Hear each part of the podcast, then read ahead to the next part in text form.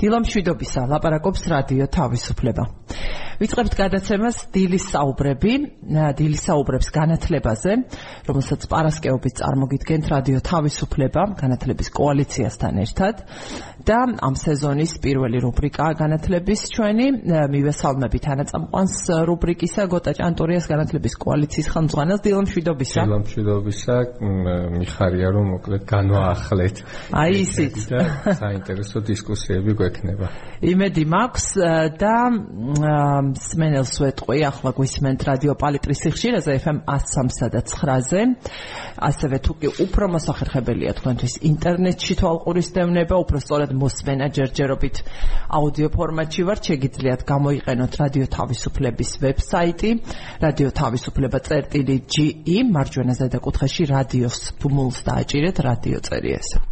კაფიოდ და იქ არის როგორც პირდაპირ ეთერი, ასევე ჩანაწერები ჩვენი რადიო გადაცემების და მოგვიანებითაც შეგიძლიათ მოისმინოთ ინტერნეტში. რაც შეეხება ჩვენს ხო, რაც შეეხება ჩვენს ფორმატს, კიდევ ერთხელ ვიტყვი, ვინც დღეს შემოგვიერთდით, რომ ჯერჯერობით არ ვართ ვიდეო ფორმატში, დილის საუბრები, გარკვეული ხანი დასჭირდება რადიო თავისუფლება ახალ ოფისში, ახალ ციფრცაში გადმოვედით და ვეწყობით და მიხარია რომ ამ გზით აუდიო ფორმატში რადიოს საშუალებით გვაქვს შესაძლებლობა თქვენ გეურთიერთოთ. დღევანდე ეს კვირა გოტა ზოგადად ესეთი ლაიტმოტივი ამ კვირის იყო სამთავრობო ესე ვთქვა თავრობისთვის ნდობის გამოცხადების პროცედურა და თანმდევი შეხვედრები, დისკუსიები, საკომიტეტო მოსმენები იქნებოდა ეს თუ ფრაქციებში, ფრაქციების ფორმატში მოსმენები თუ საპარლამენტო სხდომები. ეს კაბინეტი დამტკიცებულია, გუშინ დასრულდა ეს პროცესი. და ჩვენ შესაძლებლობა მოგვეცა ამ პროცედურამ შესაძლებლობა მოგვეცა მოგვესმინა ყველა ministristvis მათ შორის განათლების ministristvis საკომიტეტო მოსმენის პარკლებში და იყო ერთგვარი მათი მხრიდან ფორმატიც ასეთია ერთგვარი შეჯამება თავიანთი საქმიანობის და შეფასებაც თვით შეფასებები მოვისმინეთ ასე ვიტყოდი და ის თუ რის გაკეთებას აპირებენ. ამას თანახლავს ცხადია საარჩევნო კონტექსტი საკუთრივ ეს ცვლილებაც პრემიერ-მინისტრისა და ხელახალი წარდგენა და ეს პროცედურები სწორედაც საარჩევნო კონტექსტს უკავშირდება. ეს სხვა რუბრიკის თემა, მაგრამ ბიძინეევანიშვილის გამოჩენა ფორმალურად ასე ვთქვათ დაბრუნება მისი პარტიაში. და ამის გარეშეც ვერ ვიმსჯელებთ, რა თქმა უნდა, ამიტომ პირობითად ჩვენს დღევანდელ ეთერს ესე ვთქვათ თემას ასე ვუწოდე განათლების საკითხების ადგილის არჩევნო წელიწადს. და ჩვენთვისაც ალბათ მიმდინარე წელს და მარჩევნების ჩათვლით ეს იქნება. მნიშვნელოვანი ასევე ამის გათვალისწინება რადგან როდესაც ნებისმიერ სფეროში და მათ შორის განათლების სფეროში დაპირებებზე როცა არის ლაპარაკი რა თქმა უნდა ამ კონტექსტის გარეშე ჩვენ ამაზე ვერ ვიმსჯერებთ. მინისტრი საკომიტეტო მოსმენის დროს შეეხო ერთ საკითხს და ჩვენ ამას შევეხებით მაგრამ ასევე ამ პერიოდში იყო სხვადასხვა საკითხი წამოჭრილი ზოგადად განათლების თემაზე და ბოლო ყველაზე ცხელი იმ თვალსაზრისით რომ დიდი დისკუსია გამოიწვია და ჩართულობა საზოგადოების როგორც სოციალურ ქსელებში, ასევე მედიაშიც გადავიდა ეს მსჯელობა, შეეხებოდა მაგალითად ჰაგეოგრაფიის სწავლებას სკოლებში და ასე შემდეგ. და ასევე ვიცი, რომ გუშინ გამართა თქვენი ინიციატივით საჯარო დისკუსია ზოგადი განათლების ეროვნულ მიზნებზე. და თუნებას მომცემ ამით დავიწყებ. ა რატომ ჩათვალეთ საჭიროდ რომ ახლა არის ამაზე დისკუსია საჭირო საჭირო საზოგადოებრივ ფორმატში და საერთოდ როგორ ხედავ ამ პროცესს პროცესის მიზანს საჭიროებას მიზანს და საშუალებას საზოგადოების მონაწილეობის ამაში. კი ბატონო ისა სანამ მაგას დავიწყებდე კარგი სათაური არის სხვათა შორის სადარი განათლების ადგილი და ბოლო წლების მანძილზე საარჩევნო პროგრამებს თუ გადავხედავდით, მაინდამაინც დიდი ადგილი არ ქონდა განათლებას და განათლების პოლიტიკას. არათუ მართველი პარტიის, არამედ ზოგადად პარტიების იმაში ხო რა ქვია, პროგრამებში და ხედვებში და ხოლო მართლ პარტიებში კი მხოლოდ თქვათ აი ამ საარჩევნო ციკლის დროს განიხილავდნენ და საკმაოდ პოპულისტურად ხო? მაგალითად დღესაც თქვათ მხოლოდ რაღაცა ხელფასების ზრდაზე არის საუბარი მაგრამ შინაარსობრივად თქვათ რა უნდა შეიცვალოს განათლების პოლიტიკაში ამაზე ნაკლებ და რაც თავარია ეს გადაწყვეტილებები კვლავ ცენტრალიზებულად ვიწრო ჯგუფის მიერ დახურულ კარს მიღმა მიიღება. რაც შეეხება ამ საკითხს ბოდიში ზოგადად არა მხოლოდ განათლების არამედ სხვა სფეროებშიც ისეთი საკითხები წამ წამოვა ხოლმე წინ საარჩევნო კონტექსტში როგორც წესი რომლებიც გათვლილია სწორედაც ამომრჩევლის კეთილგანწყობის მოპოვებაზე, იმაზე, რაც უფრო ადვილად ახსაქმელი შეიძლება იყოს და თვლიან ასევე პოლიტიკოსები, რომ ადვილად გადასაჭრელი რაღაც მოკლევადაში ეფექტს რაც მოიტანს და ასეთად ამ განათლების ნაწილში ჩანს როგორც ოპოზიციის ისე მართველი პარტიის მხრიდან ჩანს მაგალითად სასკოლო კვების საკითხი და ამასაც მიუბრუნდეთ. და ახლა გისმენთ საკუთრივ ზოგადი განათლების ეროვნულ მიზნებზე. კი ბატონო ამ საკითხს ხოჭოს თუ სწორად მახსოვს ჩვენ აი როდესაც პირველად დავიწყეთ ეს ფორმატი ასე ვთქვათ მაშინაც ვთქვათ მიზნებით დავიწყეთ.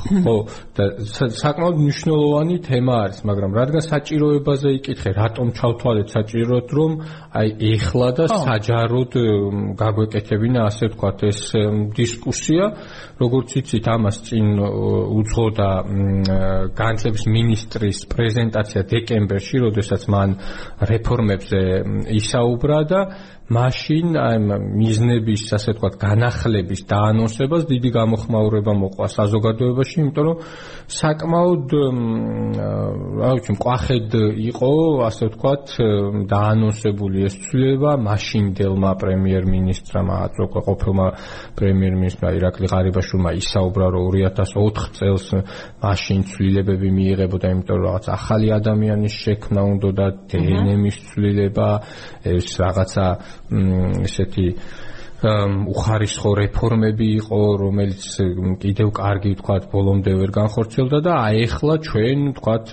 მივიღებთ ახალ ეროვნულ მიზნებს, რომელიც დაეფუძნება რაღაც პატრიოტიზმს, ეროვნულ ფასეულობებს, ოჯახის რაღაცა ღირებულებებს და ასე შემდეგ რაღაც აი ეს კონსერვატიული ხედვები იყო გაჟღერებული და ამაზე საზოგადოებას ჰქონდა რა თქმა უნდა რეაქცია და მაშინ ითქვა რომ თებერვალში რაღაცა საჯარო დისკუსიებს დაიწყებდნენ რაღაცა გარკვეული და ამის შედეგად გარკვეული ვერსია მათ. აქვთ უკვე შემუშავებული რაც საზოგადოებისთვის ცნობილი არ არის ფართო საზოგადოებისთვის არც ის არის ცნობილი რომ ჩვენი ორგანიზაციის განათლების კოალიციის კოორდინაციით საკმაოდ დიდი საზოგადოებრივი ჯგუფი მუშაობდა ამ მიმართულებით. ანუ კონკრეტულად გვაქვს არსებული რედაქცია ზოგადად განათლების ეროვნული მიზნების 2022 წელს სახელმწიფო დაინტერესდა ამ ამ რედაქციის განახლებით. და ჩვენ დაგვიკავშირდა ასე ვთქვათ და გთხოვა რომ მოგვემზადებინა კონკრეტული რეკომენდაციები რა მიმართულებით საჭიროებდა ეს დოკუმენტი განახლებას. ხო, ეს არის ოღონდ სულ რაღაც ორგვერდიანი დოკუმენტი არის, შეიძლება ვთქვათ რაღაცა დეკლარაციული ხასიათისაა, უფრო ხედვის ის არის, რა ქვია, აქ ხედვა არის, ასე ვთქვათ, უფრო წარმოდგენილი როგორ ხედავს სახელმწიფო, ვთქვათ, განათლების სისტემას, განათლების პოლიტიკას, ვიდრე ვთქვათ ძალიან კონკრეტულად, ხო? და საკომუნიკაციო დოკუმენტი არის. საკომუნიკაციო დოკუმენტი ვთქვათ, როგორც სკოლებთან, ისე სკოლებისთვის მშობლებთან მაგალითად და რაღაცა სახელმწიფო თავის თავს ასე ვთქვათ უყენებს აი ამ დოკუმენტს რომ რითი უნდა იხელმძღვანელოს ვთქვათ სისტემის პოლიტიკის შემუშავებისას 2022 წელს ესე იგი ჩვენ როდესაც ეს დავარქვათ ამას დაკვეტა თუ დაკვეთა თუმცა რაღაც შეთავაზება სახელმწიფოსგან მივიღეთ ერთობლივად დავიწყეთ ამაზე მუშაობა ანუ რეკომენდაციების წარმოქმნაზე როგორ შეიძლება და ზგემი ზგემს ვეძახეთ ხო ზოგადად განსაკუთრებული მიზნები. კი ბატონო განახლებულიყო და მაშინ შეიქმნა სამუშაო ჯგუფი ეგრეთ წოდებული რაღაცა ექსპერტული ჯგუფი სადაც დაახლოებით 15 ადამიანი მუშაობდით რომლებმაც რაღაცა პირველადი ასე ვთქვათ ვერსია რეკომენდაციების და თვითონ უკვე განახლებული ვერსიის შევიმუშავეთ შემდეგ ფორმატი ესეთი გქონდა, ჩვენ მუდმივად საუბრობთ, რომ პროცესები უნდა იყოს ესეთი, რა ქვია, დემოკრატიული, მონაწილეობითი, სხვადასხვა ჯგუფები უნდა იყვნენ ჩართულები და ჩვენც ჩვენი სამუშაო პროცესი და ის მეთოდოლოგია, როგორც შევიმუშავეთ ეს დოკუმენტი ზუსტად ამას დავაფუძნეთ და ეს რაღაცა პირიქით სახელმწიფოს მაგალითადაც წარუდგინეთ, რომ ეს შეიძლება ასე იხელმძღვანელო. ამ სამუშაო ჯგუფმა ეს სამუშაო ვერსია ასე ვთქვათ შეიმუშავა ექსპერტთა ჯგუფმა და შემდეგ ეს დოკუმენტი წარუდგინეთ მასწავლებელთა ჯგუფს. სადღაც 50 ადამიანს თქვენ იცით რომ ჩვენი ორგანიზაცია ახორციელებს მასწავლებლების ეროვნულ ჯილდოს და იქ ვინც მონაწილეობენ ეს საუკეთესო ათეულის წევრები მათ წარუდგინეთ ეს განახლებული დოკუმენტი. და გქონდა დიდი მსჯელობა შემდეგ ვთქვათ ეს ცვლილებები როგორ აგვესახა აგვესახა თუ არა მოკლედ მათგან უკავშირი მივიღეთ.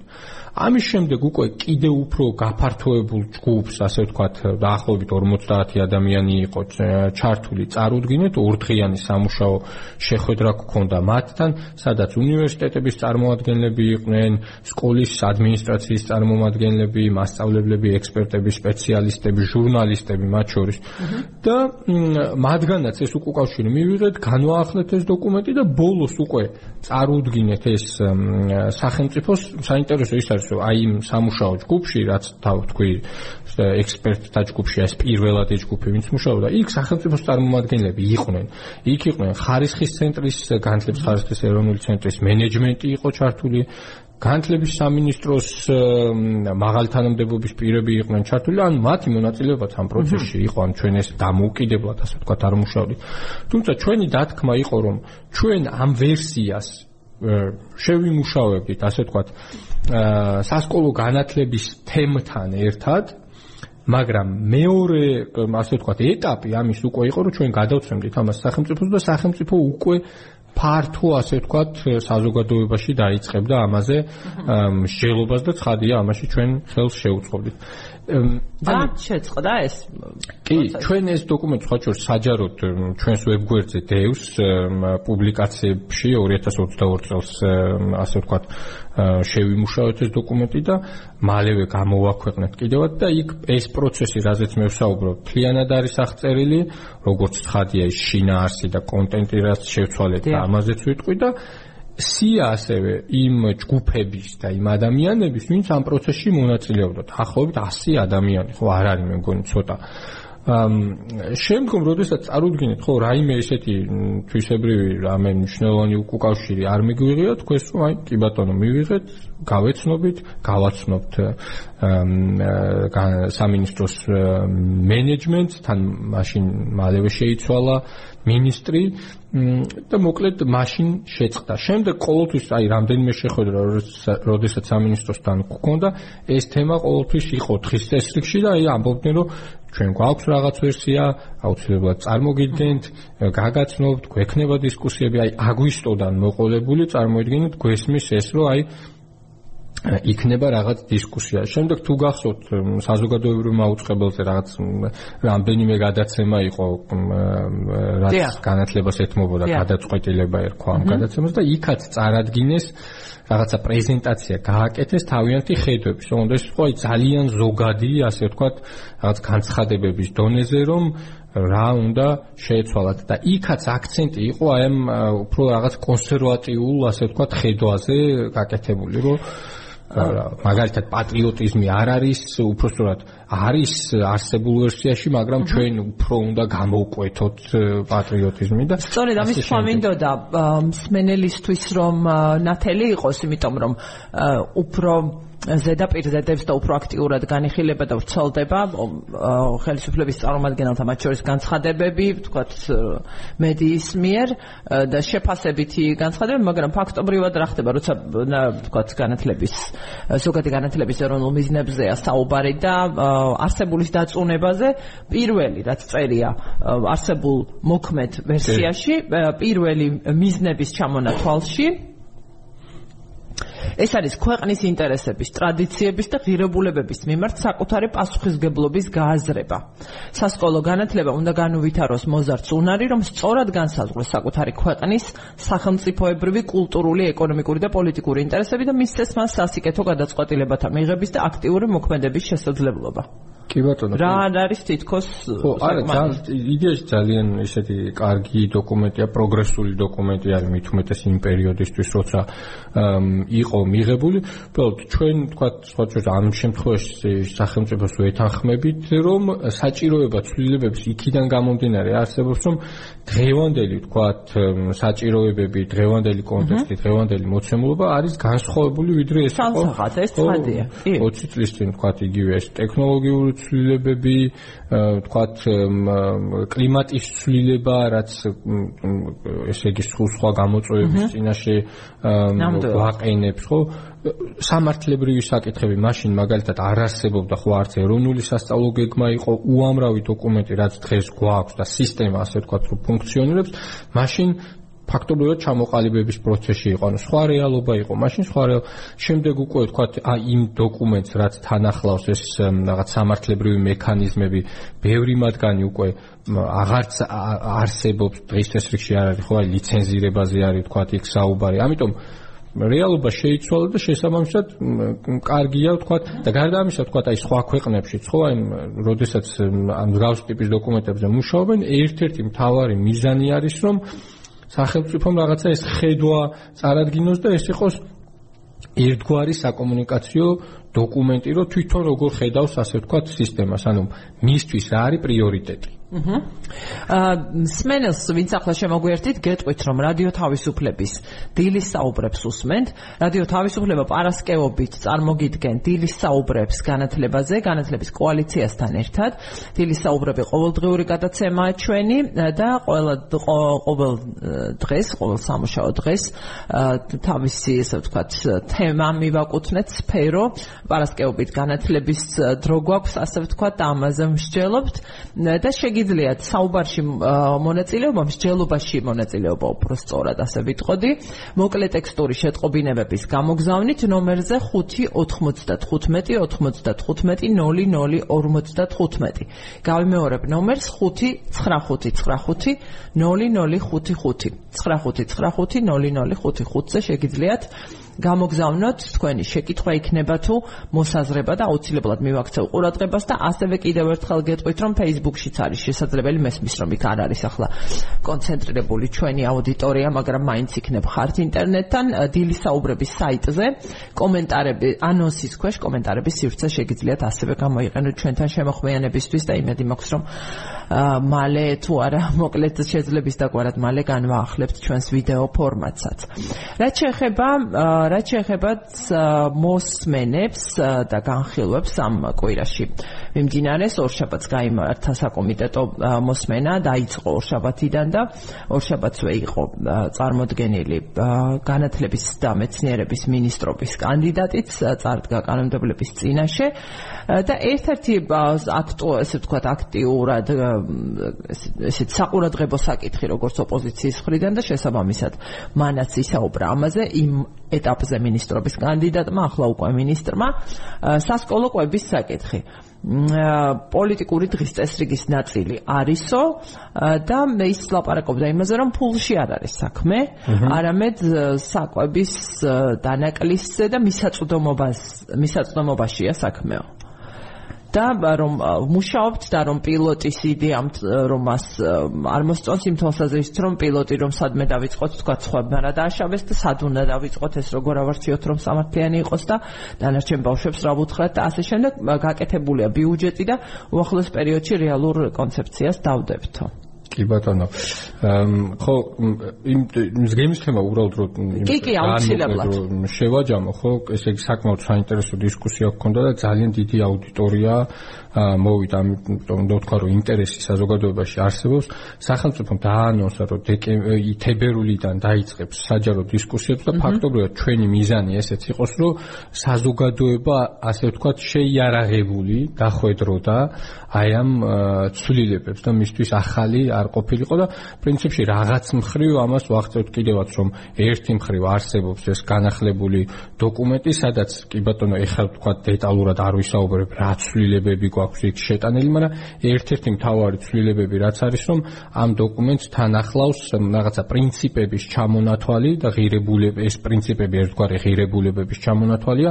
თუ და შეიძლება კრიტერიუმებიც დავარქვათ თუ რაზე დაფუძნებითაც უნდა მიიღებოდეს სასკოლო განათლების სისტემაში გადაწყვეტილებები და ეს კრიტერიუმები თუ ღირებულებები თუ პრინციპები არის თქო მაგალითად თქვა დემოკრატიულობა მაგალითად თქვა ინკლუზია და ასე შემდეგ და ანუ სამწუხაროდ ის გადაწყვეტილებები აი თუნდაც თქვა სასკოლო კვებაზე როცა ვშელოთ ეს გადაწყვეტილებები ამ პრინციპებთან მიმართებით არ მიიღება. ხო აი ჩვენ რაღაც ვაფასებთ ჩვენი რაღაცა ხედვებით, ჩვენი წარმოდგენებით, ჩვენი ღირებულებებით და თუ როდესაც გვაქვს ეს პრინციპები, ხო, მას შეგვიძლია შევაფასოთ, რომ თქვა ესა თუ ის გადაწყვეტილება ამ პრინციპებთან მიმართებით, ეს სახელმწიფოსთვისაც კარგი გზამკვლევი არის, ხო, რომ თითოეულ გადაწყვეტილებას შეუძლია შეხედოს, რომ სულ რაღაც 6 თუ 7 პრინციპია, აი ამ პრინციპთან მიმართებით, თქვა რამდენად ასრულებს თუ არა. ეს პრინციპები რჩება, რაც აი თქვენს მიერ გამოქვეყნებულ დოკუმენტში ასეთი სახით არის, რომ ჩამოვყვე,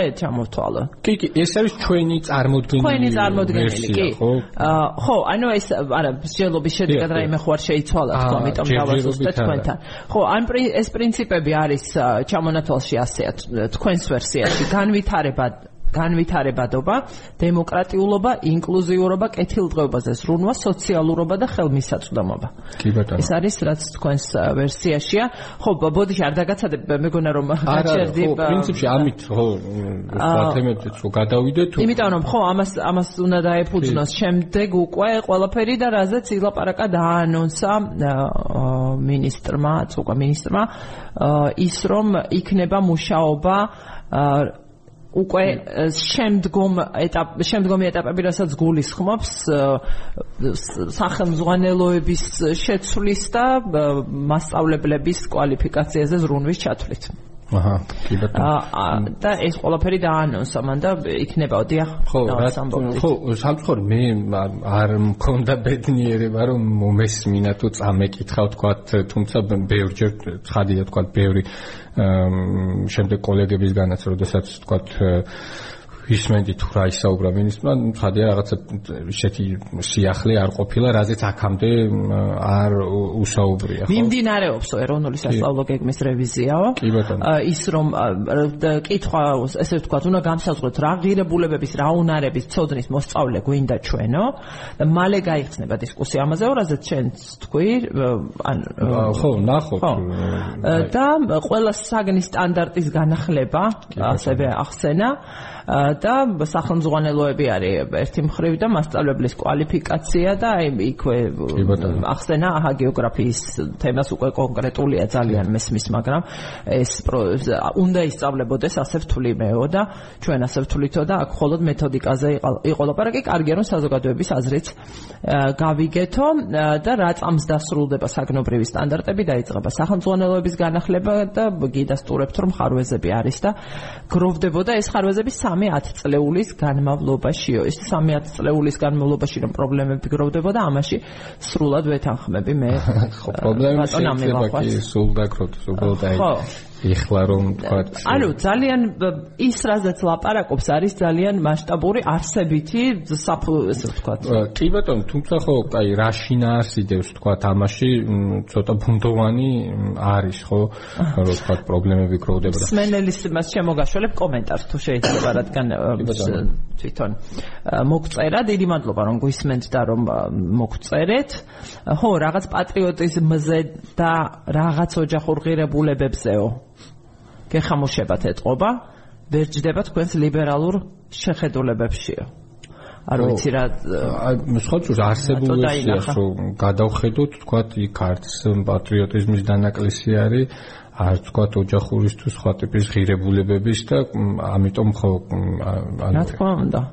არ ვიცი. ხო, არ ვიცი, ირონიასაც დაინახა აბსოლუტურად ხო უბრალოდ იმის თქვა შემიძლია რომ არასწორი აღქმა იყო სვენელის ხრიდან ირონიის ამ საკითხზე ამ თემებზე.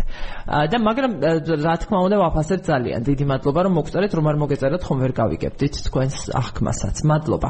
და ნომერს შევახსენებ სხვა მსმენელებს შეგიძლიათ თქვენს. მოწერა 5 95 95 0055-ზე ბოდიში სასკოლო ყვებას ხო რომ დაუბრუნდეთ ხო პრინციპში ეს მე ვფიქრობ რომ ჯერ ერთიც თქვა თვითონ პროცესი არის უკვე აი იგივე აი პრინციპებს თქვენ რაც ჩამოთვალეთ რომ შევხედოთ არადემოკრატიული ხო? რომ აი ვინ იღებს ვინ ანუ გულისხმობ რომ თქვა ვინ არის ჩართული ამ გადაწყვეტილების მიღების პროცესში ხო? რომ და რამდენად არამონაწილეობითი არის ხო? რომ არც საზოგადოებრივი ორგანიზაციები არიან ამაში ჩართული ნაკლებად არიან მასშტაბლებლები ასე შემდეგ ხო? მეორე არის რომ თქვა თვითონ ბევრი რამე ამ პროცესის შესახებ ჩვენ არ ვიცით, ხო, რომ ვიცით, რომ პრობლემა არსებობს, აი ათლეულები გროვდებოდაო, ხო? ერთი არის თქვათ იგივე შიმშილის პრობლემა, რაც თქვათ არაერთხელ ითქვა აღენიშნა და იწერა კვლევებით დასტურდება, სხვა შორის რამდენიმე დღის წინ ფორმულაზე ერთ-ერთ გადაცემაში მეჩვენეთ სართულზე საუბრობდნენ და დათო ტურაშვილმა გაიხსენა თავისი ისა რა ქვია გამოცდილება რომ აი ერთ-ერთ რაღაც სკოლაში ვიზიტზე იყო და როდესაც საუბრობდიო ბავშვი გახდა ცუდათო და აღმოჩნდა რომ თურმე დილიდან არ ქონდა ნაჭამიო და გული წავიდა. ანუ რეალურად ჩვენც რო გავიხსენოთ ხო მსგავსი ტიპის მაგალითები შეიძლება თვათ თქვა სასტრაფოს გამოძახება არა მაგრამ ყოველას გაგვახსენდება და ეს ერთი პრობლემა არის. მეორე პრობლემა არის თვითონ საგანმანათლებლო მიზნები და ამას რომ ვერ ვახცევთ ხო? სოციალიზაციის საკითხი თვითონ და სკოლის სოციალურ ფუნქცია. და ანუ ეს პრობლემები რო გვაქვს და ამ დროს თქვა მინისტრისგან რამდენი ხანია უკვე ვისმენთ განცხადებებს ზოგად განცხადებებს რომ აი მიმდინარეობს მუშაობა ხო? რაღაცას ვითვლით რაღაცა ანალიზს ვაკეთებთ მაგრამ რამე კონკრეტული ჩვენ ნაკლებად გვესმის. საპილოტე პროგრამასაც ხო? ანუ ძალიან ესე ვთქვათ არარეალისტურად და არასერიოზულად მეჩვენება და არ მგონია რომ ვთქვათ კარგი პრაქტიკა იყოს ის რომ ვთქვათ შეუსწავლებლად დაიწყო რაღაცა დიდი მასშტაბური პროგრამა და საზოგადოებასაც თქვათ კარგად რო აუხსნა, არ მგონია რომ თქვათ რაღაცა კრიტიკა დაიმსახურო. თუ მაგალითად სხვა ტიპის რეფორმებს, ხო, აი მაგალითად იგივე ეს ეროვნული სასწავლო გეგმის ცვლილება, ეგრეთ წოდებული ახალი სკოლის მოდელი, თუ ერთი სკოლისდან დაიწყეს, ხო, ერთი სკოლა იყო სატესტო სკოლა, საპილოტე სკოლა. ხო, ხდება ხოლმე ასეთი რაღაცა. და შემდეგ განავრცეს რაღაცა X რაოდენობა სკოლაზე, თქვა ჯერ რამდენიმე ათეულზე, მე რამდენიმე ასეულზე. ამ შემთხვევაში რატო არ არის სწორი, რომ თქვა შევისწავლოთ ჩვენ, ხო, რომ უფრო მომზადებულებმა დავიწყოთ მასშტაბური პროგრამა, ხო? ანუ ერთბაშად მე მგონი ხო, რომ საზოგადოების მხრიდანაც არ არის ეს მოთხოვნა, რომ აი ხვალვე ყველგან, ყველა სკოლაში, მთელ ქვეყანაში სამჯერადი ყვება უნდა გქონდეს, ხო? კი, ძალიან მნიშვნელოვანია, რომ დავიწყოთ, მაგრამ უნდა დავიწყოთ სწორად, ხო? რა რესურსი გვაქვს, რანაირად ვაკეთებთ ეს ლოგისტიკური პრობლემები, მნიშვნელოვანი საკითხი არის. ასე შემდეგ, თქვა, ბევრ სკოლაში, ხო, სულ სხვადასხვა კონტექსტები გვაქვს, ხო? ბევრ სკოლაში არის, თქვა, სულ 60-70%-ში სკოლებში 200 ბავშვზე ნაკლები არის ხო? ზოგან ყავს 2000 ბავშვზე მეტი ხო? ანუ იქ რაღაცა სხვადასხვა მოდელები გვექნება ხო? მაღალმთიან რეგიონებში სადაც თქვა რაღაცა ფიზიკურად მისაწვდომობის პრობლემა არის, იქ სულ სხვა კონტექსტი არის და ამიტომ ამ კონტექსტების შესწავლა და პირიქით საპილოტო პროგრამის განხორციელება მე მგონია ძალიან სწორი არის. ცხადია ეს არ უნდა იყოს ძალიან ხანგრძლივი, ხო?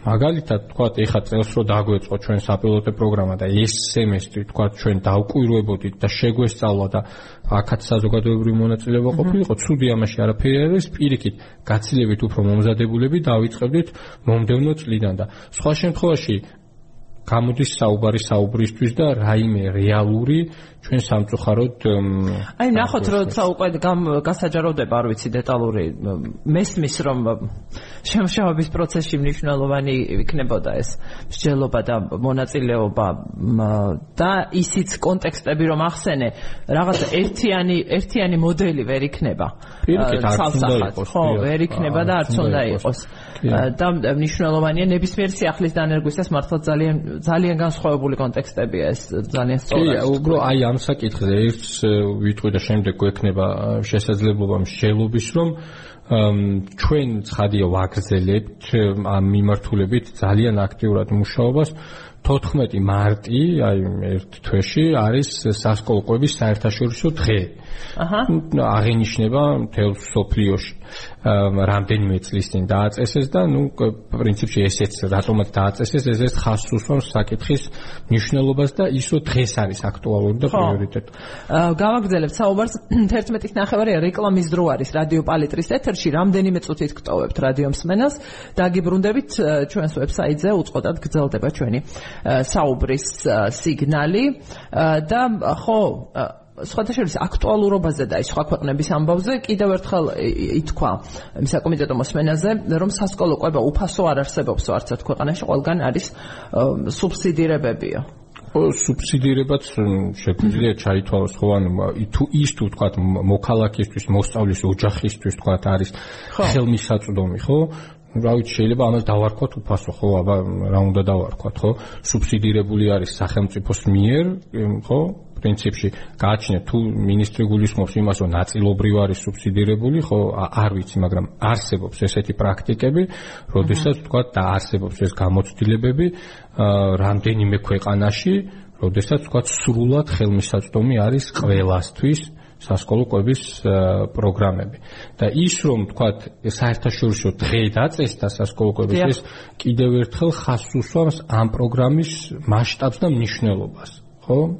აა განსაკუთრებით აი პანდემიის შემდეგ და ჩვენც თქვათ ამ დღეს აღნიშნავთ სხვა შორის და 14 მარტიდან გვექნება სასკოლო კვების ვაორგანიზებთ ეხლა ზუსტად ამ პროცესში ვართ ვაორგანიზებთ სასკოლო კვების კვირეულს და მთელი ასე ვთქვათ საქართველოს მასშტაბით გვექნება სხვადასხვა ტიპის ღონისძიებები. დავიწყებთ ამას რაღაცა ისეთი ფორუმით, ხო ფორუმით, სადაც ვთქვათ საზოგადოების სხვადასხვა ჯგუფები გვეყოლება მოწვეული და უფრო შინაარსობრივ საკითხებზე ვიმსჯელებთ და უკვე ვთქვათ სხვადასხვა რეგიონებში და ქალაქებში სხვადასხვა ტიპის აქტივობები გამართება იმისათვის, რომ ჩვენს აღნიშნოთ საზოგადოებამ ეს დღე და კიდევ ერთხელ მივანიშნოთ და მოუწოდოთ სახელმწიფოს, რომ გაცილებით უფრო აქტიური ქმედება არის საჭირო და კონკრეტული ხო მათ შორის. და მნიშვნელოვანია რომ ეს პროცესები აი თქვენ ცალ-ცალკე არ იყოს რომ მუშაობთ რაღაცნაირად კი კი ჩვენ სარგებელი ამისის შეერთდეს ამ მსჯელობის, ანალიზის, მუშაობის, შეხვედრების და ყველაფრის საბოლოო გადაწყვეტილებაში რომ უფრო ისეთი იყოს ხარისხიანი და ეფექტი უკეთესი ჰქონდეს. ძალიან მნიშვნელოვანია, რა ვიცი, რესურსის დაკარგვა არ არის არ არის მაინც და მაინც განებივრებული არის ამას გულისხმობ ხო რესურსში ადამიანებს თანამშრომლობისთვის ყველა ჯგუფთან და ჩვენ ვფიქრობთ რომ საკითხი გაცილებით უფრო მნიშვნელოვანი არის ვიდრე ჩვენი ამ შემთხვევაში მარტო ჩვენ თავს არ ვახო ზოგადად პირადი ამბიციები თუ სიმპათიები თუ ანტიპათიები და მე მგონია რომ თქვა ეს თემა უფრო პრიორიტეტულია და ჯობია თემა წამოწიოთ წინ და ჩვენი რაღაცები ცოტა გვერდზე გადავდოთ. აა სვენელი გვეკითხება ხომ არ ფიქრობთ აი სასკოლო კვება დიდად სახიფათო საქმეა კვების პროდუქტების ხარისხთან დაკავშირებით? კი ბატონო შეიძლება იყოს ნამდვილად. ხო, რისკებიც უნდა იყოს. რა თქმა უნდა, რა თქმა უნდა, უნდა იყოს გათვლილი, თუმცა ჩვენ უნდა გვახსოვდეს რომ სკოლამდელ დაწესებულებებში ხო ბაღებში გვაქვს ყვება ხო და ეს 10 წლეულების ასე ვთქვათ გამოცდილება არ არის ხო რაღაცა რამდენიმე ხნის წინ ცოტა ხნის წინ დაიწყო ასე ვთქვათ გახდა ხელმისაწვდომი და ეს მაგალითი ჩვენ ქვეყანაშიც გვაქვს. ამიტომ თქვა ჩვენთვის მაინც და მაინც უცხო არ არის. არა უბრალოდ აქ საუბარია იმაზე რომ მასშტაბი უფრო დიდი არის და თუ იქ ადგილზე მზადდება ყვება, აქ თქვა ბევრგან არ იქნება ეს შესაძლებელი, იმიტომ რომ ფიზიკური ინფრასტრუქტურა არ არის, თუმცა სხვადასხვა მოდელი ამის არსებობს და შეიძლება რომ თქვა დიფერენცირებულად მიუდგეთ. თუმცა ცხადია რომ თქვა იქ კვების სტანდარტები დაცული უნდა იყოს, თუმცა რეალურად აი ჩვენ მართლა ამ საკითხს ცოტა უფრო სიღრმეებში ჩაუღრმავდეთ, ეს ძალიან ბევრ თემას უკავშირდება. იქნება ეს თანასწორობის თემა, სკოლის სოციალური ფუნქცია, ბავშვების სოციალიზაცია, განათლების თქვა განვითარება, სოფლის მეურნეობის ხელშეწყობა, ხო, ბევრ ქვეყანაში თქვა ეს არის მთავარი ამოსავალი წერტილი და ასე შემდეგ, ხო? სკოლისადმი დამოკიდებულების ცვლილება მოსწავლეებისათვის, ხო? სკოლ მიმაგრება, თქვა, მოსწავლეების ის, რომ თქვა, ჩვენ ყოველწლიურად 10000ობით ბავშვი ნაადრევად ტოვებს სკოლას, ეს საჯაროდ ცნობილი არის და კვლევებით არის დადასტურებული და სტატისტიკა ამისი არსებობს ხო ყოველ წელს თქვა სახელმწიფო და ხან UNICEF-ი და ხან საქსტატი აქვეყნებს ამას ხო და ვიცით ეს ხო რეალურად სასკოლოება ამასაც უწყობს ხელს რომ ეს ბავშვები დააბრუნოს პირიქით სკოლაში და მათი დამოკიდებულება სკოლისადმიც შეცვალოს. ხო და განსაკუთრებით ხო იმაში რეგიონებში და რაღაცა ეს სკოლა არ არის მხოლოდ რაღაცა ვიწრო საგანმანათლებლო დაწესებულება, ხო? ამას რაღაცა ისეთი მეტი სოციალური მეტი სოციალური დანიშნულება აქვს, კი, რა თქმა უნდა და რაღაცა ცენტრი არის, ხო? კულტურულ საგანმანათლებლო ცენტრი არის და პირიქით ამ პროცესებს ხელშეუწყობს მათ შორის არაფორმალური განათლების განვითარებასაც, ხო? როდესაც თქვა შენ გინდა რომ ბავშვები უფრო მეთხანს დააკავოს სკოლაში, მაგრამ ნუ რეალურად ვთქვათ, ვაღიაროთ, რომ შეათ ბავშვებს და რთული ამ პირობებში ნამდვილად მუშაობა და საგანმანათლებლო მიზნების მიღწევას. ამიტომ მე ვფიქრობ, რომ დაგეთანხმები, ანუ თან მეტი თანამშრომლობა და მეტი კონკრეტიკა და ცოტა დაჩქარებული მუშაობა ნამდვილად, იმიტომ რომ მუდმივად ძახილი რომ აი ჩვენ მუშაობ და ეხლა რაღაცას ვითვლით, ხვალ კიდე რა ხვალ ფინანსების დათვლას დავიწყებთ, ზეგ კიდე რაღაცის აღრიცხვას დავიწყებთ და ეს არ დამთავრდება რა და უპასუხისგებლობა არის რეალურად, როდესაც ვიცით რომ აგერ ყოველდღე ხან სასტრაფოს სადიძახებენ ხანსად და ამ დროს ჩვენ იმის რა ქვია რაღაცებს ვითვლით. ხო და კი ვეთანხმები მსმენას რომ პოლიტიზებულია თუმცა ის მხოლოდ ოპოზიციის ხარი მე ზოგადად ვამბობ საკითხის პოლიტიზაციაზე ნაკლე პოლიტიკისთვის არ უნდა იყოს ეს გამოყენებული პოლიტიკური მიზნებისთვის მაგრამ ხანდახან ვიცით ჩვენ რომ საარჩევნო წელიწადს რაღაცები ხდება ხოლმე რაც მანამდე წლების განმავლობაში ვერ მოხერხებულა და ამიტომ ეს ეს სარგებელი მინდა რომ დავინახო ამ პერიოდის ხო მინიმუმ რომ რაღაცები გადაიჭრას ამ კუთხით ბატონი ზურა გვიხდის მადლობას პირიქით მადლობა თქვენ რომ გვისმენთ და ცოტა სიბრძნესაც შეიძლება მოისმინო გონივრული მსჯელობა. დიდი მადლობა უხერხულია ცოტა ჩემთვის ამის კითხვა და დიდი მადლობა რომ გვისმენთ. აი იყო კიდევ არაერთი სხვა საკითხი და მათ შორის მათ შორის სკოლების პოლიტიზაციის თემა და ასევე დირექტორების კონკურსი სადაც ministrobis იმ ეტაპზე ministrobis კანდიდატმა განაცხადა რომ არ გამომიყენებიაო ეს პირდაპირ ჩემი დისკრეცია დისკრეცია დანიშნა თუ როგორ ქვია სწორად რომ არ შემეშალოს და ხელახალი კონკურსი იქნებაო თქვა მან. კი ხო როგორც მივხვდი ის ჯგუფით შეიცვლება კომისია. არ ვიცი სიმართლე გითხრათ თქვათ რა ფორმატში როგორ წარიმართება თვითონ არა მხოლოდ სერტიფიცირებულ კანდიდატებს ექნებათ შესაძლებლობა. კი ანუ მონაწილეობის ხო? ადამიანებს ექნებათ შესაძლებლობა სერტიფიცირების ხო? და მეორე მხრივ სერტიფიცირებულ კანდიდატებს ექნებათ შესაძლებლობა რომ თქვათ დირექტორობის კანდიდატები გახდნენ. თუმცა თქვა აი აქაც ხო რაღაცა ეს ხედავთ რომ მოკლედ რამ თვეებია უკვე ამაზე ლაპარაკი მიდის. ხედავდით თუ რამხელა პროტესტი მოყვა რასაც სამწუხაროდ მინისტრი აწი უკვე მინისტრი ეძახდა სამკაციან აქციას და მე მგონი ამ გამოსვლაშიც ესე მოიხსენია თუ არ ვწდები რომ აი მხოლოდ ორი ადამიანის ამ გამოსვლაში ხო ის ასე ახსნა რომ კონკურსი იმის კონკურსია რომ ყველა ხომ დირექტორი ვერ გახდება და ვიღაც ვიღაც არ ვერ ხდება დირექტორიო და ეს ხო არასწორი ინტერპრეტაცია არის. ეს პროტესტის მიზეზი რომ ვიღაცას დირექტორობა უნდა და ამიტომ შემდეგ განაწყენებული. ხო, არასამართლიანი პროცესი იყო არაჯანსაღი პროცესი იყო ხო სინამდვილეში. და ისიც რო თქვა სამი სამი ადამიანი ძალიან მნიშვნელოვანია ჯერ ერთი და მეორე მეორე თქვა ეს არ იყო მხოლოდ სამი ადამიანის პროტესტი ხო ჩვენ თუნდაც თქვა ჩვენი ორგანიზაციის კოორდინირებით რამდენიმე ათეულმა საზოგადოებრივმა ორგანიზაციამ გააპროტესტა ეს და მიმართა კიდევაც სახელმწიფოს შობელთა ასოციაცია იყო ჩართული და მშობლები აპროტესტებდნენ ამას.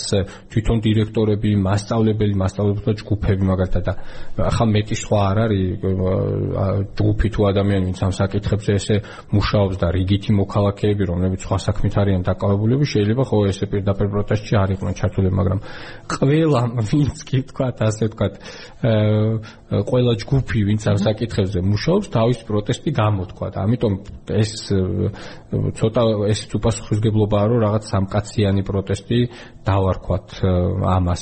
ცალკე საკითხი იმ სამ ადამიანს თქვა, როგორ მოექცა სისტემა, მაგრამ აქაც თქვა თუ იგივე დარჩა ყველაფერი, ხო? და თუ არაფერი მნიშვნელოვნად არ შეიცვალა, თქვა, პროცესში, მათ შორის იმ ჯგუფებში, ხო? იმ ადამიანებს და იმ თქვა ჯგუფებს, ვინც ამ პროცესში მონაწილეობდნენ, ლეგიტიმაცია არ აქვთ. ხო? აღქმული არიან როგორც სახელმწიფოს ასე ვთქვათ დანამატები და ადამიანები რომლებიც ასრულებენ დაკვეთას ხო? და შესაბამისად ვთქვათ მე რომ მქონდეს სურვილი და წარვდგე იქ და ვთქვათ დამიწუნოს ვთქვათ ამ კომისიამ ხო? ნუ რა ვიცი ჩემთვის ბევრს არაფერს არ ნიშნავს ხო? ეს ნიშნავს რომ სისტემისთვის არ ვარ მისაღებით. ამიტომ თუ ამ ხრივ რაიმე თვისებრივად არ შეიცვალა და ჩვენ გქონდა კონკრეტული რეკომენდაციები, ხო, რომ მათ შორის თქვათ შეიძლება იყოს ეს თქვათ საზოგადოებრივი ჯგუფების აქტიური ჩართულობა, ან თვითონ სასკოლო თემა მიიღოს გადაწყვეტილება, ხო? სერტიფიკატი მიენიჭოს კანდიდატებს ტესტების საფუძველზე, ხო? რასაც თქვათ ვერ დავიწუნებთ, ხო? აქ რაღაც ადამიანური ფაქტორები არ შემოდის იმ ტესტს ან დაწერა, ან ვერ დაწერა. და ამის შემდეგ უკვე პირდაპირ ეს კანდიდატი მივიდეს და სკოლამ შეარჩიოს, სამეურვეო საბჭომ შეარჩიოს. რა საჭიროა ეს კიდევ ერთი ესე კომისია და ეს რა ქვია, თურმე განათლების სამინისტროს წარმომადგენლებმა უკეთიციან, ეხლა იქ არ ვიცი, ქედაში თუ სოფელ ფარში თუ მარნეულში როგორი კანდიდატი არის და სკოლის სტრატეგია როგორი უნდა იყოს და არ არის ეს ასე. აა ხო, აი ამას მინდა ახლა მოვაყოლოთ. ბოლო ხანს აქტიურად ლაპარაკობს ministri, განათლების ministri სისტემაში, განათლების სისტემაში დეცენტრალიზაციაზე. სკოლებისთვის მეტი ავტონომიის, ავტონომიურობის მინიჭებაზე. აა როგორ როგორ უყურებთ განათლების კოალიციაში ამ საკითხს ზოგადად? და რაში ხედავთ ასე ვთქვათ დადებით სამ პროცესის. რაც უკვე იცით ანუ საჯაროდ რაც უთქვამს აქამდე მას. ხო იცით არის არის რაღაცებიო რაც სამინისტრო რასაც ვერ გაწუდება და რაც სკოლების გადასაწყვეტი უნდა იყოსო ხო კი ბატონო საკმაოდ ხშირად ესეთი რიტორიკა და პოლიტიკა ერთმანეთთან საკმაოდ განსხვავდება, ხო? და თქვათ სკოლების ავტონომია კარგად ჟღერს, ხო? მაგრამ იგივე თქვათ აი ეს დირექტორობის საკითხი, რაც ფუნდამენტური საკითხი არის პრინციპში ამ მიმართულებით, ხედავთ რომ თქვათ როგორ გადაწყდა, ხო? რომ თუნდაც სამეურო საბჭოებს თითო-თითო კანდიდატი წარედგინა და მუდმივად მინისტრი ამბობდა რომ კი, მაგრამ მეტი კანდიდატი არ იყო და ვიცით ჩვენ რომ თქვათ თუნდაც თავისივე გამოსვლებიდან რომ 30%-ში მაგალითად შეიძლებოდა რომ ყოფილიყო ერთზე მეტი კანდიდატი, ზოგან 10 კანდიდატი, ზოგან 6 კანდიდატი, თუმცა რატომღაც თქვათ სამინისტრომ თითო-თითო კანდიდატი წარადგინა. ამიტომ ეს ხო და საბოლოოდ ფორმალურად კი სამეურვეო საბჭომა ერთია. კი, რა თქმა უნდა, ისიც იმიტომ რომ თქვა ხო, ერთი კანდიდატი იყო მხოლოდ და მაშინ არ უნდა აერჩია და ხელახლა დაწყებულიყო ეს პროცესი და სამეურო საბჭოს კიდე თავის პრობლემები აქვს, მაგრამ ნუ რაც არის, არის. ამიტომ ეს რიტორიკა და თქვათ რეალური პოლიტიკა მნიშვნელოვნად განსხვავდება ერთმანეთსგან. გარდა ამისა, თქვათ ამ ავტონომიურობაში რას გულისხმობ, ესეც განსასაზღვრია, ხო? აი მე მაგალითად მახსენდება პანდემიის დროს, როდესაც ministris მოადგილე საუბრობდა რომ სკოლები ავტონომიურები არიან და თვითონ შეუძლიათ განაცხადებები მიიღონ და ფაქტობრივად მაშინ როდესაც სკოლებს ყველაზე მეტად უჭირდათ მაშინ ავტონომიურები გახდნენ და მაშინ გქონდათ ესე იგი თავისუფლება სრული რომ რაც უნდათ ის ეკეთებინათ და მაშინ როდესაც თქვათ სკოლებს ქონდათ ამის სურვილი, როგორ გეკადრებათ, ხო? მაშინ სახელმწიფო მათზე თქვათ რაღაცა წნეხს იყენებდა. ჩვენ გვაქვს შემუშავებული ესეთი დოკუმენტი, მართვის დიფერენცირებული მოდელი და აქაც თქვათ განათლების სპეციალისტებთან ერთად მუშაობდით, რომელიც ამბობდა, რომ სკოლების мотиваციიდან და შესაძლებლობებიდან გამომდინარე შეიძლება რომ დიფერენცირებული მოდელი გამოვიყენოთ, ხო, რომ ვთქვათ, მეტი მხარდაჭერა შეესთავაზოს სახელმწიფო მათ, ვისაც ამის საჭიროება აქვთ და შესაბამისად მეტი ავტონომია მიანიჭოს ვთქვათ იმ სკოლებს, ვისაც ასევე ვთქვათ ამის შესაძლებლობა აქვს. ამიტომ აქაც შეიძლება რაღაცა დიფერენცირებული მოდელის გამოყენება, ხო? ცხადია ზოგადად კიდე ერთხელ ვამბობ ავტონომია კარგად ჟღერს, მაგრამ შინაარსში რა იგულისხმება ეს საკმაოდ ბუნდოვანია. აქ მეორე მხარეზეც უნდა ვთქვათ ხო ეს სამეურვეო საბჭოებიო კიდე ცალკე თემაა რომ ახსენე მნიშვნელოვანია სინამდვილეში ამაზე ამაზე მსჯელობა და ფიქრიც რა სწორედ დიფერენციაც რომ ახსენე ახლა რა რა ავტონომიურობის რა წილის აღება ზიდვა შეუძლია ცალკეულ სკოლას სასკოლო საზოგადოებას ესე რომ დავარქვათ კრებითად. ან მე პირადად მზად ვარ მონაწილეობდე ვთქვათ ჩემი შვილის სასკოლო ცხოვრებაში რა რა რესურსი მაქვს ამისთვის ან ვინ მონაწილეობს ან როგორ უნდა ირჩეოდეს და გადაწყვეტილებები როგორ მიიღებოდეს ეს პასუხისგებლობა არ უნდა გავიგოთ არავინ და ჩემ თავს ყველაზე მეტად გავაკრიტიკებ ამის გამო რომ რაღაცას უნდა მოელოდეს ხვისგან ან მხოლოდ სახელმწიფო უწყებებისგან. არა რა თქმა უნდა მხოლოდ და არა საკუთარი თავის. აქტიურად უნდა იყოს ამ პროცესში ხო ამის გარეშე არ გამოვა უბრალოდ უნდა გვახსოვდეს სკოლა არის ისეთ ღია ინსტიტუცია რა მასზე თქვა არა მხოლოდ შინაგანი ფაქტორები მოქმედებენ ანუ მაგალითად არა მხოლოდ თქვა მასწავლებლების და დირექტორების და მოსწავლეების ურთიერთობები მოქმედებს, არამედ გარეგანი ფაქტორები, ხო? ანუ ლოკაცია სკოლის ძალიან ბევრ ამას წყვეტს, ხო? თქვათ ეს სკოლა მდებარეობს თბილისის ცენტრში, პირობითად ჭავჭავაძის გამზირზე, თუ ეს სკოლა მდებარეობს იმაში გურიაში, რომელიღაც სოფელში, ამას ძალიან დიდი მნიშვნელობა აქვს, ხო? გარეგანი ფაქტორები ძალიან ზემოქმედებს სკოლაზე, ხო? რო თქვა იქაური მოსახლეობის სოციოეკონომიკური ფაქტორები, ასე შემდეგ. ამიტომ თქვა იგივე ავტორიზაციის სტანდარტებს რო ჩავხედოთ, იმ სტანდარტებიდან უამრავ საკითხს სკოლას ვერ მოვთხოვთ, ხო? აი დღევანდელი მოცემულობით, ხო? იქნება ეს ინფრასტრუქტურული საკითხები, რესურსები დამთავრებული, მასშტაბლებელთა კომპეტენციით გაგრძელებული და ასე შემდეგ, ხო? ამიტომ სახელმწიფოს თქვა ჩარევა ამ მიმართულებით და მხარდაჭერა, ხო, სკოლებს, ამიტომ ამბობთ აი დიფერენცირებულ მიდგომაზე. ჩვენ ახლა თქვა რომ სკოლებს ავტონომია აქვს და მასშტაბლებლების მხარდაჭერის კუთხით რაც უნდათ ის გააკეთონ, ეს არ იქნება მაინც და მაინც სწორი, ხო? ხო, ამიტომ ეს ეს პოლიტიკაც გასააზრებელია. ხო, ინფრასტრუქტურის ნაწილი ძალიან მნიშვნელოვანია. 60 წელიწადში ვაპირებთ გადავჭრათ სრულადო. როგორც მე მოვისმინე, ინფრასტრუქტურული პრობლემები სკოლებშიო. განაცხადა მან ხო, სხვა ჯერ აი რამდენიმე გუშინ თუ გუშინ წინ ეს ბიულეტენი გამოაქვეყნა კულტურათ შორის ურთიერთობების ცენტრმა შალვატაბადაც ორგანიზაციამ თუ რამდენჯერ გადაიწია ამ ინფრასტრუქტურის რეფორმა მაგრამ აჰა საინტერესოა. თავდაპირველად თქვა ითქვა 2022 წელი რომ ეს უკვე მიმდინარეობს და დასრულდება შემდეგ 2023 26 წელი და დღეს უკვე 27 წელი არის ხო? თუ გახსოვთ სხვა შორის სასკოლო დაწესებულებაზეც ministri ამბობდა რომ აი ჯერ ინფრასტრუქტურას უნდა მივხედოთ თორე სხვანაირად როგორ დავიწყებთო და ფაქტობრივად ის ამბობდა რომ ანუ 2027 წლიდან დავიწყებთო და დღეს უკვე ეს რიტორიკა შეიცვალა თუმცა ნუ მაინც ჩანს რომ ჯერჯერობით რაიმე ხელშესახები ასე ვთქვათ არაფერი არ გვაქვს. ხო, ამიტომ ეს გადავადება მუდმივად ხდება, მაგრამ ესეც საინტერესოა, რომ აი ჩემი კოლეგა რეზო აფხაზავა ამბობდა, რომ არ შეიძლება ამას ჩვენ შევხედოთ როგორც რაღაც სასრულ პროცესს, ხო რა? ანუ 2023 წელს ეხლა ერთ სკოლას გაარემონტებენ, ხო? და 2027 წელს იმას რო დაასრულებენ, ამას რო რაღაცები ცვლილებები დაჭirdება, ხო? ანუ ხელახლა გამოაცხადებენ, ხო? ეს არის რაღაც მიმდინარე პროცესი და კარგი სისტემა უბრალოდ უნდა აეწყოს, რომ ეს თქვათ მუდმივად განახლებადი ინფრასტრუქტურა იყოს კარგ მდგომარეობაში. ხო, ამის უზრუნველყოფა პროცესია მართლა შეუძლებელია. ხო, პროცესი არის და ხო საცხოვრებელ სახლში წარმოვიდგინოთ რომ დიც ასევე საჭიროებს მოწესრიგებას და მით უმეტეს მით უმეტეს სასკოლო ინფრასტრუქტურა, სადაც ამდენი ბავშვია აქტიური, ენერგიული და ყველანაირად, რა ვიცი.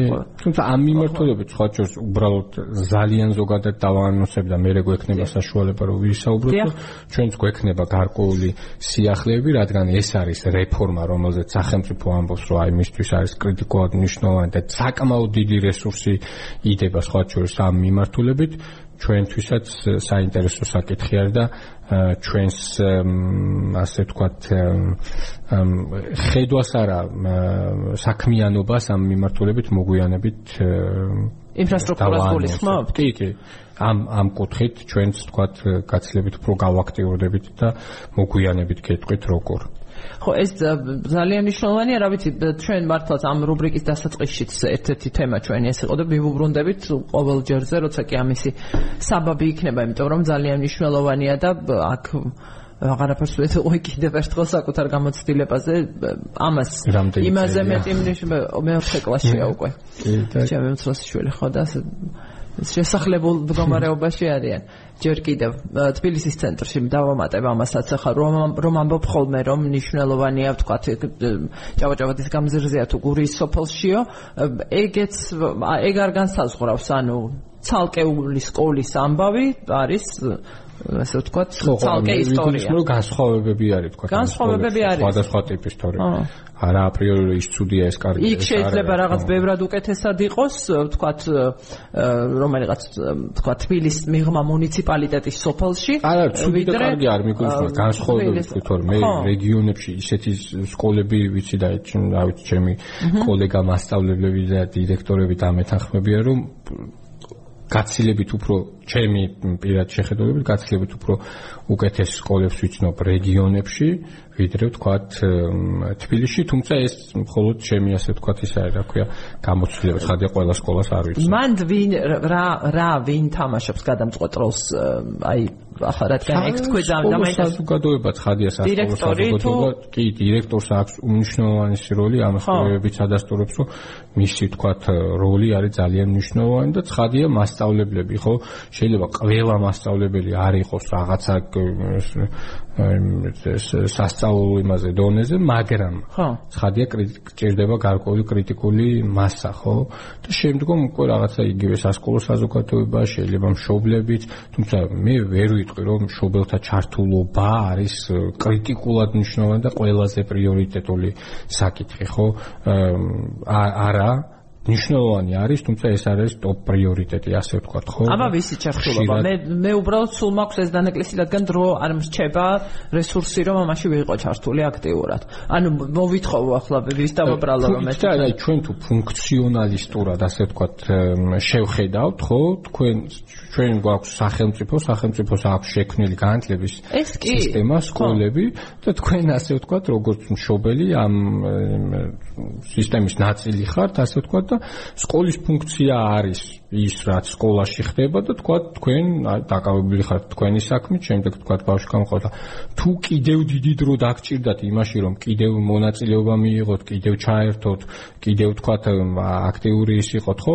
შეიძლება ამას პირიქით უარყოფითადაც შეხედოთ როგორც მშობელმა, ხო, რომ მაშინ თქვა რაში მინდა სახელმწიფო, ხო? მაგრამ ჩვენ იმ რეალობაში ვართ, როცა ხო ცვლილებების რაღაცა განვითარება გვინდა და ამი ამას გულისხმობ. უბრალოდ ხო, იგი მესმის აბსოლუტურად უბრალოდ აპრიორი ვთქვათ, რომ ეს არის რაღაცა გასაღები, რომელიც სკოლის დემოკრატიულობას და იმას შეუწყობს ხელს. ამაზე განსხვავებული მოსაზრებები არსებობს. მე თალსაღად ვემხრობი, რომ თქვა მშობლები უფრო აქტიურად იყვნენ ჩართულები, თუმცა ხანდახან მშობლებსაც არასწორი წარმოდგენები აქვთ ხოლმე, რომ წარმოდგენა აქვთ, რომ თქვა მათ უნდა უხელმძღვანელონ სკოლას, თქვა როგორი უნდა იყოს, რა უნდა ასწავლონ, როდის უნდა ასწავლონ, რაც ასევე არასწორი არის. ხო, სკოლას აქვს თავისი ფუნქცია და იმიტომაც ქვია იმას სკოლა, რომ ის ადგენს წყალებში წესებს ცხადია თქვა საზოგადოებასთან ერთად ხო, იმაში აქტიურობა უნდა ხო სწორად განსაზღვროთ რაში ვიაქტიუროთ, რაში ვართ კომპეტენტურები, ეს მნიშვნელოვანია. ამას რომ მივხვდეთ რა არ ვიცით. და ჩვენი გადაცემისთვის განყოფილი დრო ამოიწურა ის თემა ეს გავკვრით ახსენე შენ ხელფასების საკითხი, რომელიც მხოლოდ მასწავლებლებს არ შეეხება, როგორც გავიგეთ, ხო, ასევე ხო ტექნიკურ პერსონალსაც ძალიან კარგია. პირიქით ყველა ყველაზე კარგი ის არის ხოლმე არჩევნების მერი არჩევნების კონტექსტში ასეთი ესე ვთქვათ სიახლე და ინიციატივა ყოველთვის მივესალმებით და ძალიან კარგია რა თქმა უნდა. რაც მეტ ადამიანს ეკნება მეტი შემოსავალი. უარყოფით შეხედულება გქონდეს ძალიან დიდი მადლობა. გოტა ჭანტურიას განათლების კოალიციის დირექტორი გახლავთ და თანაწამყვანი ჩვენი განათლების რუბრიკისა. ამ რუბრიკით ერთი კვირით გემშვიდობებით დილის საუბრებში კი ორ შაბათს დილის 10 საათზე შევხვდებით ერთმანეთს რადიო პალიტრის ციხშირეზე FM 103 და 9-ზე. დროებით ლაპარაკობს რადიო თავისუფლება.